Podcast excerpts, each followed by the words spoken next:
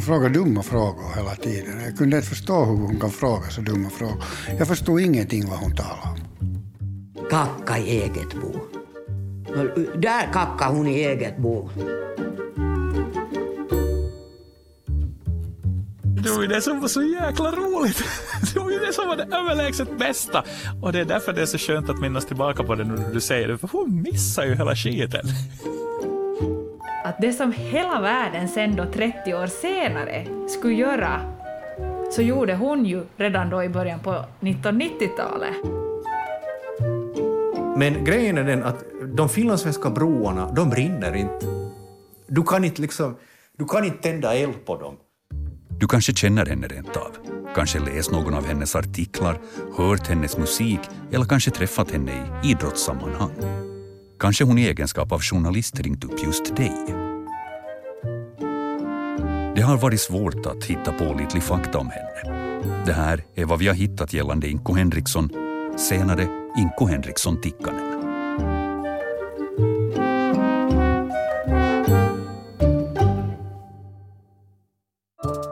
Skådespelaren Sue Lemström vill gärna berätta om sin guddotter.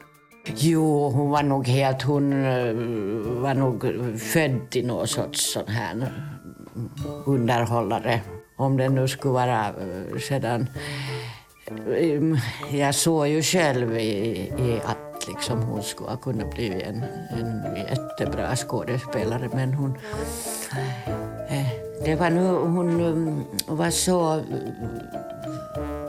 från det ena till det andra. Den ena liksom jobbet till den andra. Men eh, antagligen eh, så skulle man väl i dagens läge säga att hon var ett ADHD-barn. Och ganska gravt ADHD. Säkert. Jallis Harkimo är en av de som träffat Henriksson Tikkanen en hel del gånger. Det var inte så där hemskt realistiska hennes projekt. Det var så skit. Inte kan man ens tänka sig att man skulle låna pengar till sådana. Jag skulle bjuda henne på middag och hon ville att jag skulle bjuda på drinkar och allt möjligt sånt där. Och jag började inte att göra det åt reportrar. En av dem som intresserat sig för Henriksson Tikkanen är redaktören Joakim Runt på Svenska Yle. Nå, inte alltså besatt skulle jag inte säga. Men alltså jäkligt fascinerad helt enkelt. Trots att han jobbat länge inom branschen har han aldrig själv träffat Inko. Men nog hört talas om henne. Inko hade ju... Hon ville ju göra alltså en eh, vuxen EOS. Som skulle vara alltså, vet du, rojsig. Alla vet ju EOS, men om inte någon vet EOS, EOS är ju en ungdoms, barn och ungdomstidning och den är utgiven av Nykterhetsförbundet. Om den finns ännu idag, det vet jag inte. Men i varje fall. Och hon ville ha alltså sådana reportage, vet du, EOS går på rave. EOS testar opium i Östberlin. Det finns...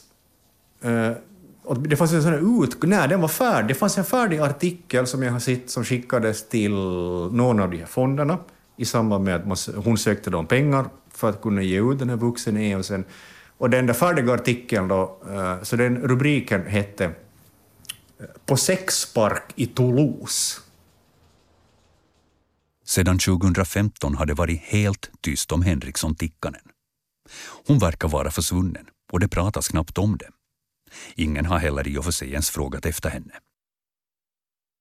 Henriksson Tikkanen föddes i Lovisa 1961. Hennes familj har valt att inte ställa upp på intervju med ett undantag. Hennes gudmor, skådespelaren Sue Lemström, vill gärna berätta om sin relation till sin guddotter. För henne var Henriksson Tikkanen en ambitiös person för vilken inget var omöjligt. Eh, nej, det var ett nej, det var ett ja.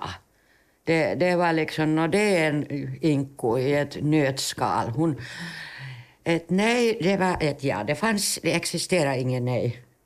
Ingen, ingenting kunde stoppa henne. Hon, um, det, skulle, det skulle i så fall vara varit hon själv då.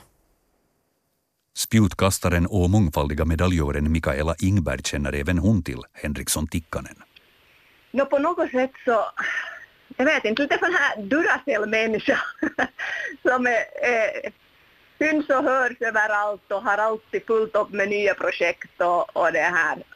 hon är ju dessutom förstås, känns det som att hon är på något sätt känd för sin utstrålning också. Att, att det här, hon, har ju, hon är berömd för sina sportiga löparben. man skulle kunna tro att hon är löpare eller på samma gång så ser hon superstark och vältränad ut som någon, som någon kastare eller kulstötare. Att, att man skulle kunna tro att, att hon har idrottat hela sitt liv men det, det är ju kanske det enda som hon inte har gjort men att hon tycks nu vara med överallt och, och sån här som vill, vill, trivs med att synas och höras hon var en typisk, sån där, alltså en typisk finlandssvensk mångsysslare. Och det kan man ju konstatera först. Det finns jättemycket att göra i svensk Finland. Det finns lite för mycket att göra i svensk Finland.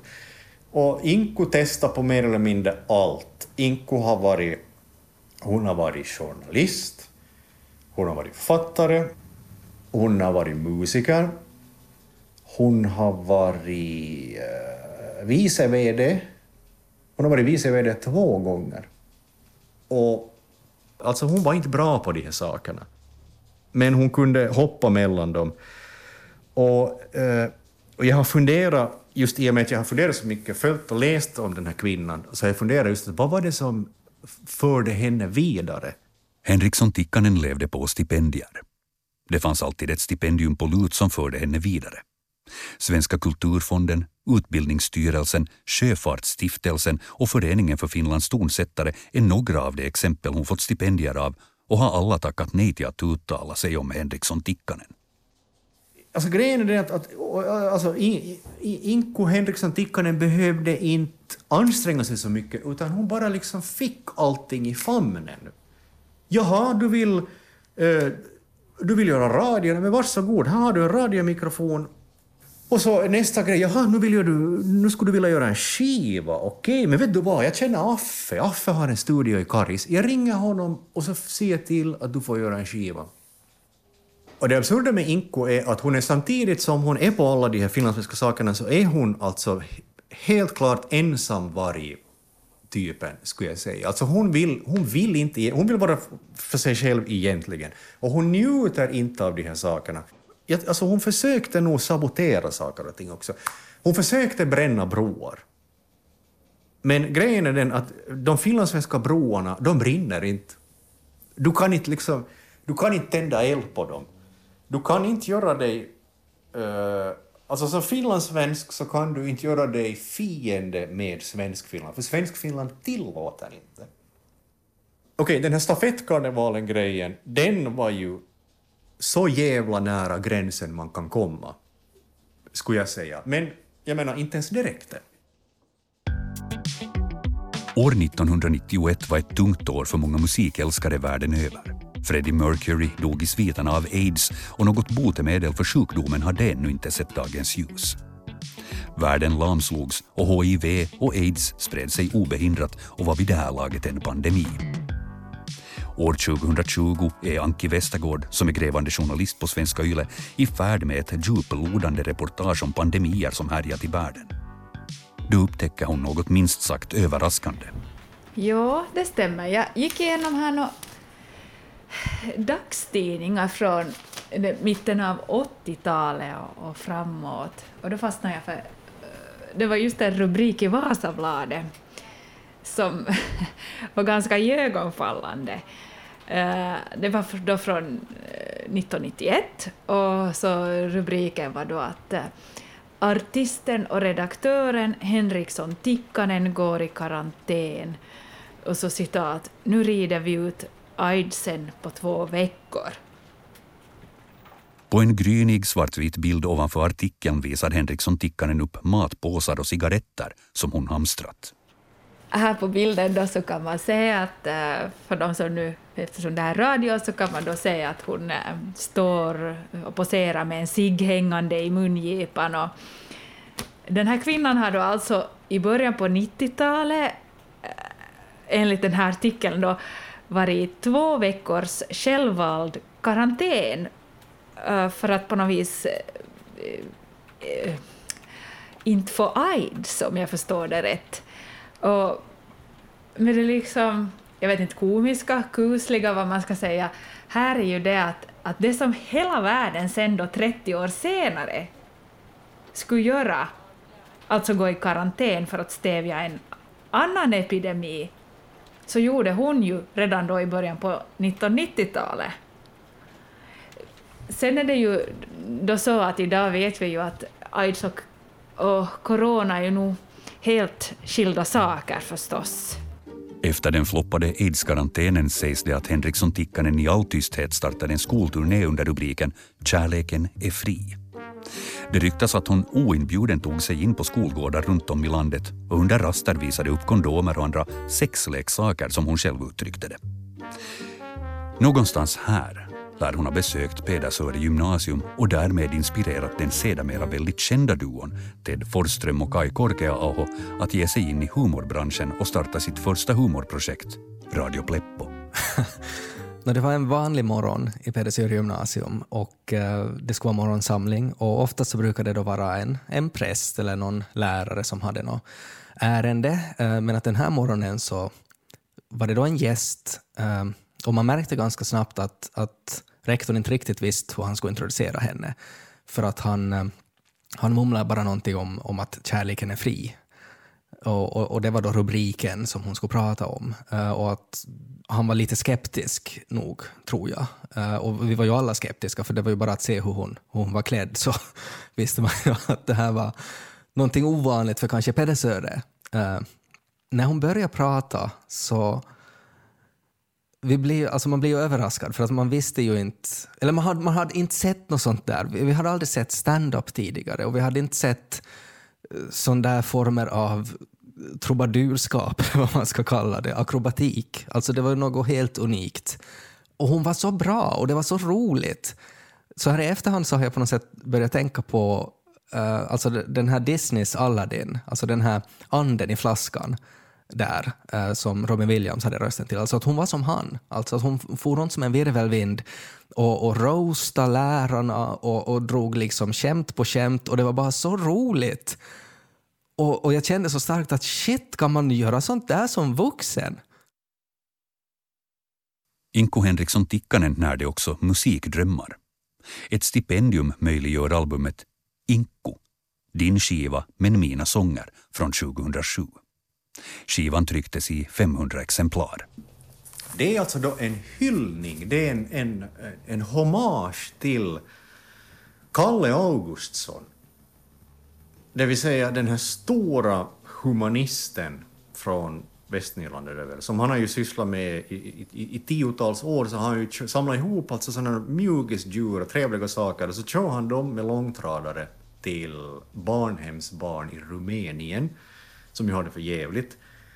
Och eh, jag menar, en, en, en, en väldigt sån liksom ren och fin sak som han sysslar med. Och, och, no, det ville hon hylla, men eh, Iko Henrikssons låt heter då alltså uh, My Romanian Lover och den här alltså... det här är nog, om du frågar mig, så det här är pärlan.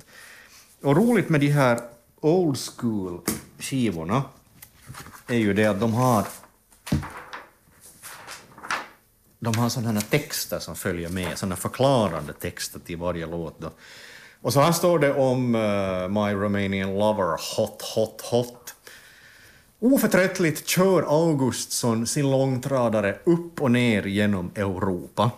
Våt asfalt, tårar och glädje. Men finns det alls tid för kärlek och sensualitet? Alltså tänk dig Kalle Augustsson i en långtradare.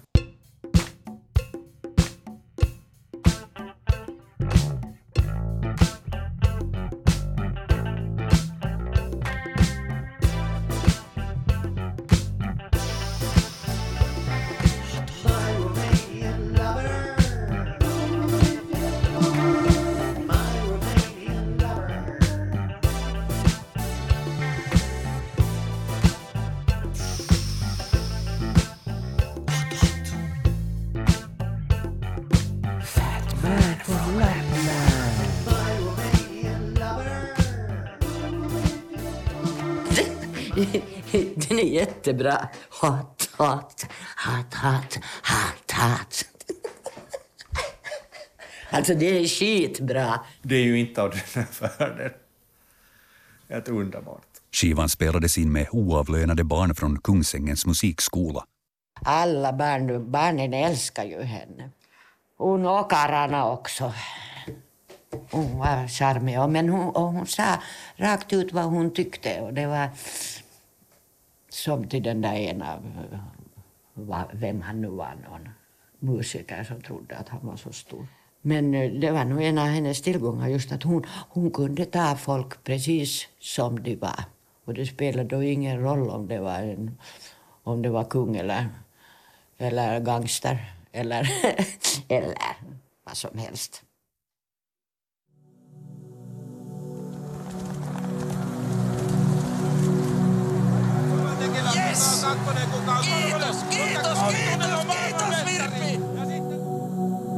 Suomen kansa rakastaa teitä tällä hetkellä. Niinpä taitaa tehdä. haluan mitään nöyrimmin pyytää, pyytää anteeksi suomalaiselle urheilulle ja suomalaiselle hiihtokansalle aiheuttamaamme katastrofaalimaisen suurta häpeää. År 2001 var det skid-VM i Lahtis i Finland. En ort och ett årtal som alltid kommer att förknippas med ett ord. Doping. Nationellt trauma, läkarväskor, schabbel, amatörer. Finnarna brukar säga amatörien puuhastelua. Det var så pinsamt och så jobbigt så att no, i grund och botten skulle jag ju inte vilja prata om det, men nu gör jag det ändå. Det var en, en bomb som briserade, en matta som drogs under en nationalsport som skapade så djupa sår i den finländska idrottssjälen att de liksom än i denna dag inte helt har tvättats bort. Även om vi ju har haft ett Lahtis-VM efter det, ett Lahtis-VM som gick helt bra, så är det ändå varje gång du säger Lahtis-VM, 98,5 av 100 människor tänker 2001. Har du något minne av Inko från den här tiden? Det har jag väl. Alltså hon... Eh, vi känner samtidigt då det kommer till journalistkarriären. Eh, hon var ju en sån där jätte journalist som liksom bara brann för att, att liksom vara där då det absolut hände. Sån här, vad ska vi säga, vardagslunk och normalrapportering var inte någonting, någonting för henne. Eh, ganska sådär kollegialt sett väckte det ju ganska mycket frustration. Man ska kanske kalla henne för en glory hunter, sådär i idrottssammanhang. Jag menar, vem går nu omkring i skidkläder och liksom och åker ut på, på extra länkar inför ett, ett, just ett skid-VM. Men det var liksom så all in så det blev nästan pinsamt. Henriksson Tikkanen bevakade skid-VM i Lahtis för egen räkning. Men just när skandalerna började brisera befinner sig Henriksson Tikkanen på karaokeresa med sin gudmor, Sue Lemström, och ett motorcykelgäng. Väl hemkommen inser hon att hon missat århundradets skandal. Det var ju det som var så jäkla roligt. Det var ju det som var det överlägset bästa. Och det är därför det är så skönt att minnas tillbaka på det nu när du säger det, för hon missar ju hela skiten. Det är ju det som är det bästa med hela storyn. Uh, hon var ju inte ens där. Liksom hela århundradets scoop, finlandssvensk sportjournalistik, bortblåst, sinnen meni. Och, och, och det liksom, jag kan bara säga att där efter, efter tävlingarna, klart vi var ju vi var ju ledsna över det som hade skett, men vi tyckte ju vi hade gjort ett ganska bra, bra jobb rent journalistiskt. Men, men mest nöjda var vi nog kanske över det att, att, att det blev en sån brutal åhare för just henne. Det, man ska inte vara skadeglad egentligen, man ska hålla ihop kollegialt, men i det här fallet så där. Hoho. Nu helt, helt rasande.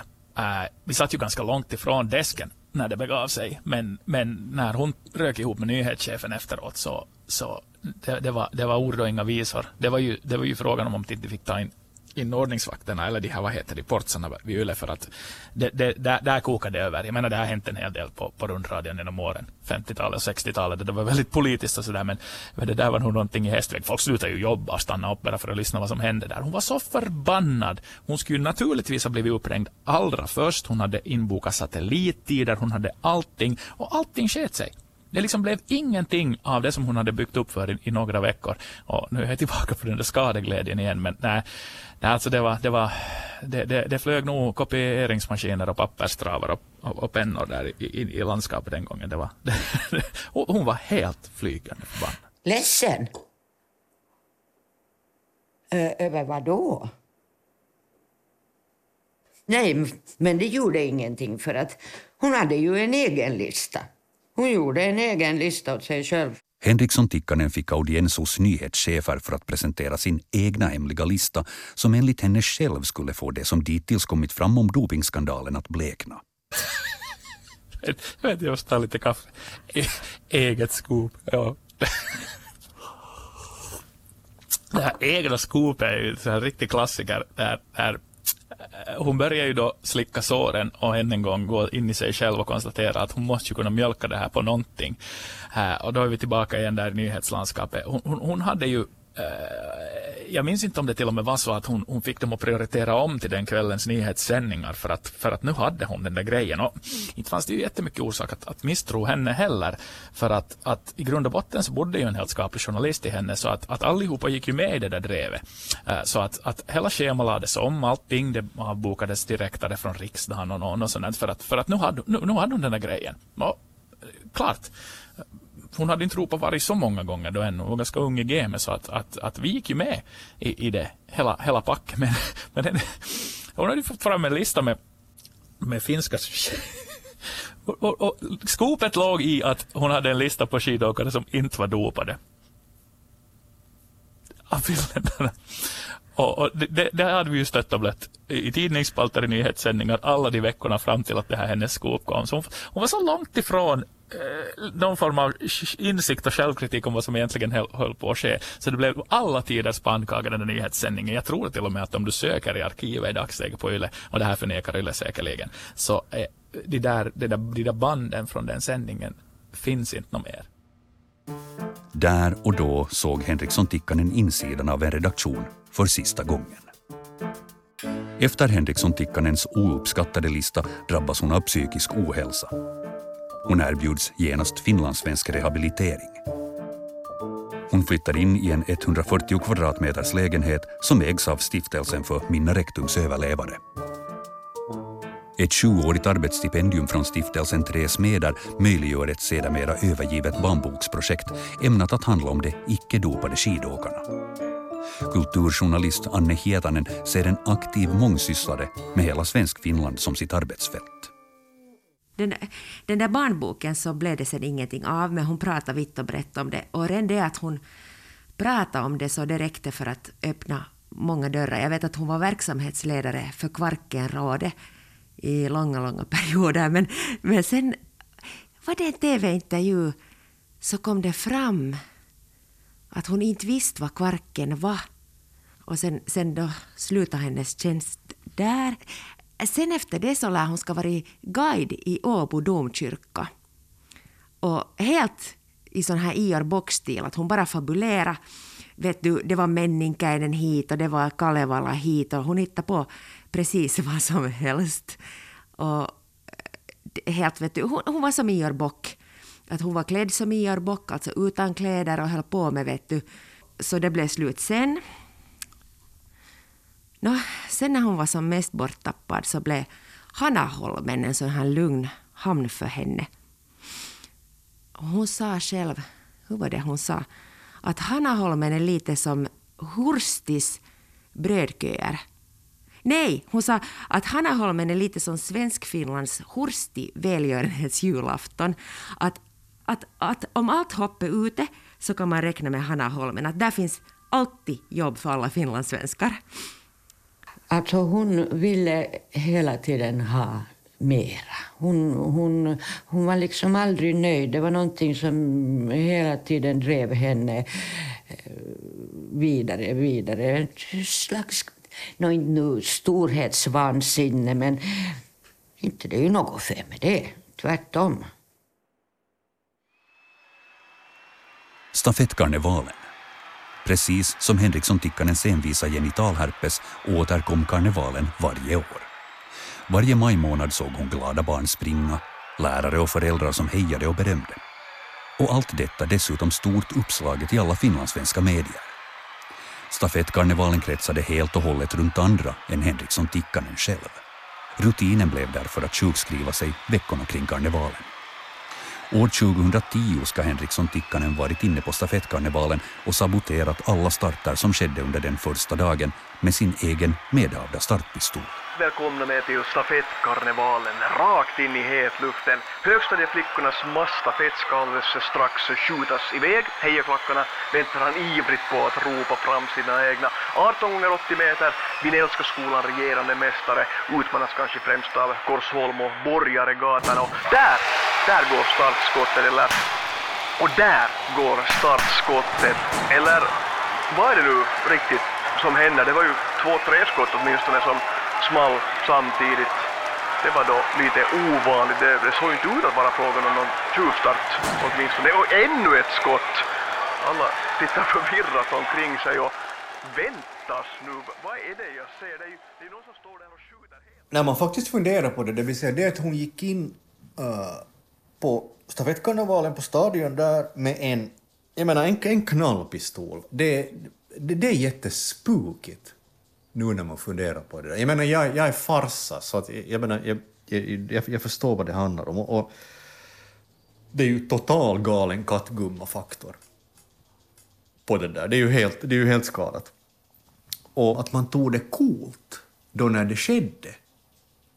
Och, och man lät henne bli läktarvakt istället sådär. Ja, men, gå och sätt dig där och, och bevaka läktarna. Jag menar, man vet ju vad som hände sen, så man kan ju idag se det här som det där varningstecknet. För vad som skulle komma sen. Fittkarnevalen, som hon brukar säga. Jag minns att hon alltid var så arg. Hon var så arg under två veckor i maj på grund av stafettkarnevalen. Antingen arg eller så var hon sjuk. Det var hemskt. Alltså man kunde ju inte vara i samma rum som hon då. Det gick inte. Psykolog Tony Dunderfelt har stött på liknande fall under sin karriär. Och nu verkar det ju så att Inko skulle behöva en rejäl dos av självkännedom. Att, uh, att på samma gång som, som vi alla vill såklart att lyckas och att allt ska vara bra, så livet är ju inte helt enkelt fullständigt.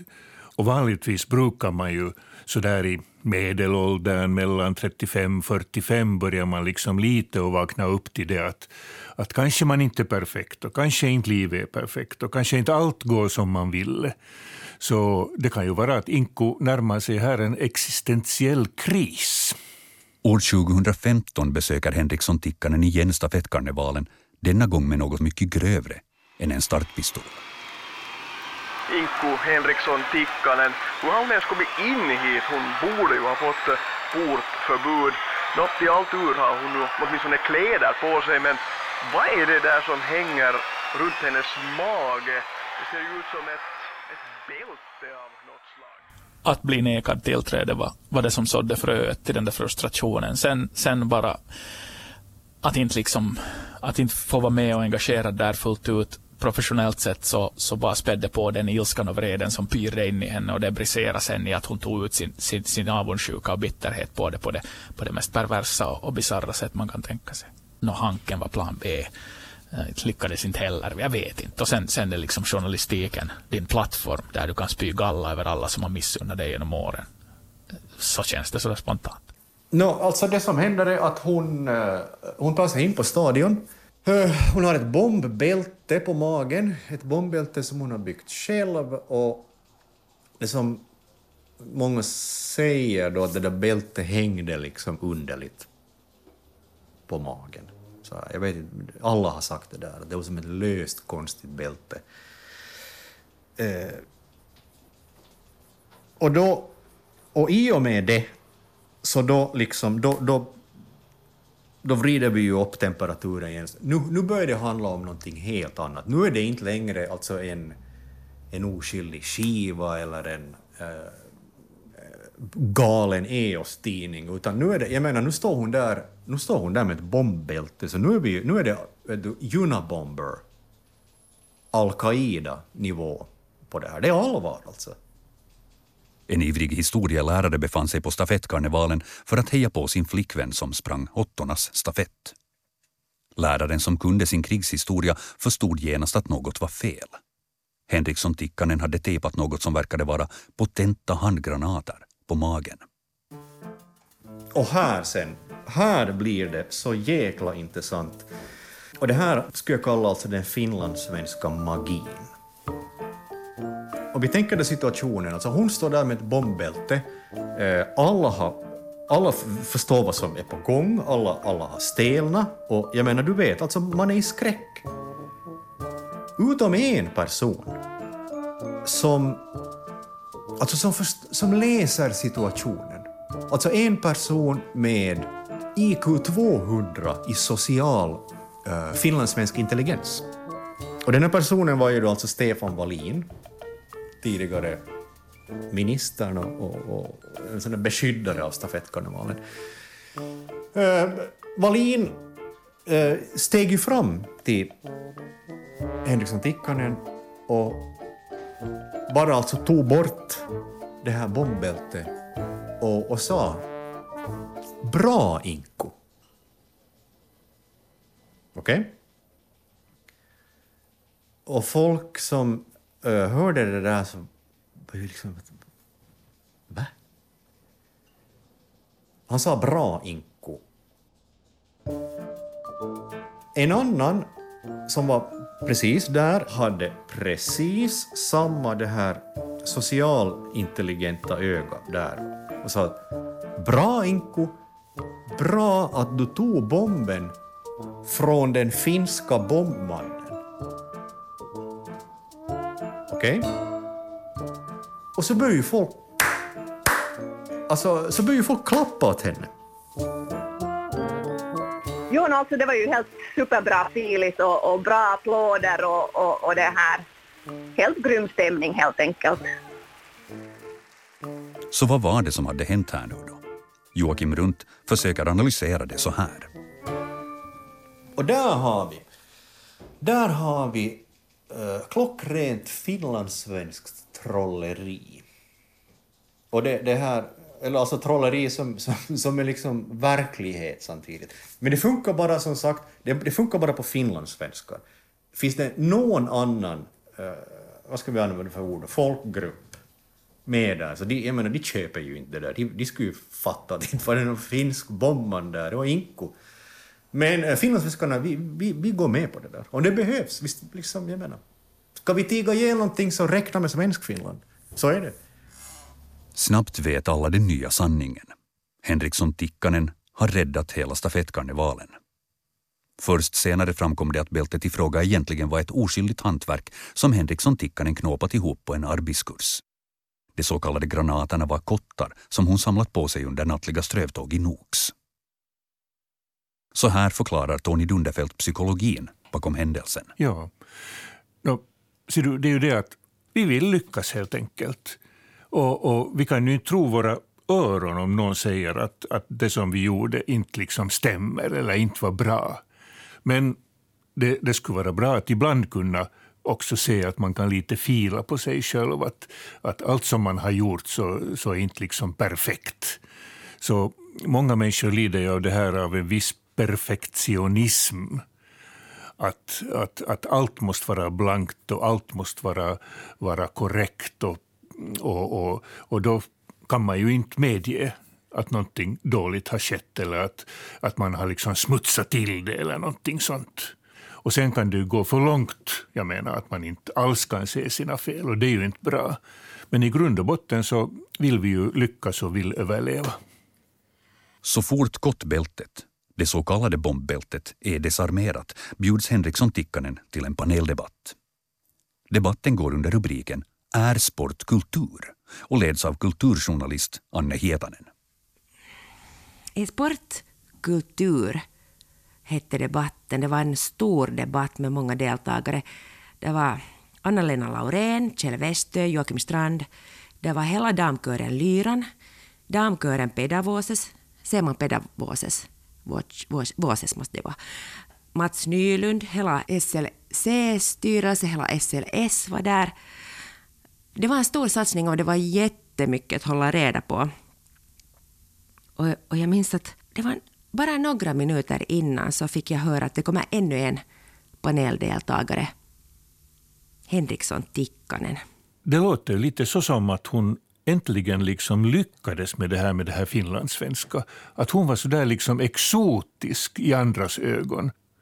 Och plötsligt så öppnade sig liksom en nisch i evolutionen för henne. Fantastiskt på, ett, på sätt och vis. Men under paneldebatten händer något otänkbart. Nej, jag, alltså jag tyckte att hon verkade så orolig. Förstås är alla lite nervösa i en sån här situation, men det var något utöver det vanliga. Jag minns att hon satt så där, vet du, ihopknycklad på något sätt. Röd i huvudet, hon kramade ett tobakspaket. Hon såg ut... Jag vet inte. Alltså det var så... Jag, jag tänkte att, att vad är det med henne? Och sen så sa hon ju det där. Jo, no, det här uttalandet hennes så, så det är nu kanske något sånt som jag kanske inte sådär jättegärna skulle diskutera desto mer att alla måste väl, ha, måste väl få ha sin åsikt att det här, hon får stå för den och något mera än det så kanske jag inte vill kommentera det. Nej, nej, nej bryt vi. Nej, nej det här vill jag vill inte prata om. Nej, jag tror vi är klara här. Det var nog, det var, det var tjockt. Det här är ljudupptagningen från paneldiskussionen i maj 2015. Också finska barn skulle ju borde få springa på stafettkarnevalen. Nej, nej, nej. Finnar är också nej, folk! Nej, nej, Men, men finnar är folk! Finnar är också folk! Finnar är också folk! Hon sa, hon sa också finska barn, också finska barn borde få springa på stafettkarnevalen. Och sen, finnar är, finnar är också folk. Kacka i eget bo. Där kackar hon i eget bo. Jag, jag måste ju sen, jag måste ju sen sjukskriva mig efter det ganska länge. Och det är här Henriksson Tikkanen försvinner. Ingen pratar mera om henne. Hon varken syns eller hörs.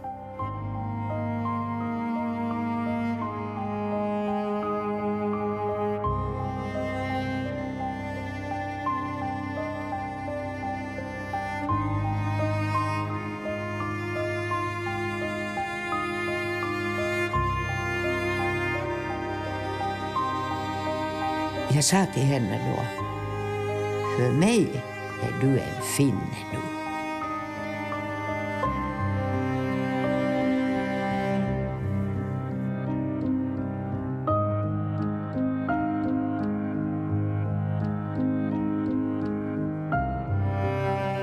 Och över en natt blir Inko Henriksson finskspråkig. Det var nämligen här hon lade till Tikkanen till efternamnet. Enligt Tikkanen för att hylla fenomanin i slutet av 1800-talet. Ja, det var då hon försvann. Försvann ur, ur svensk Finland för gott.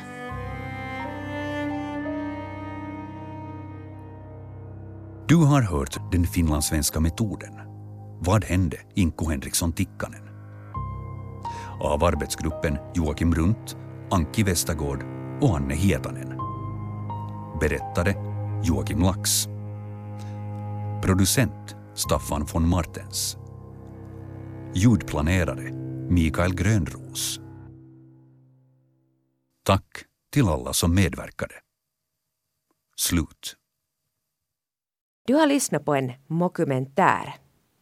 En fejkad dokumentär om en människa som aldrig har funnits men kanske kunde ha funnits och om händelser som aldrig har hänt men som kanske kunde ha hänt.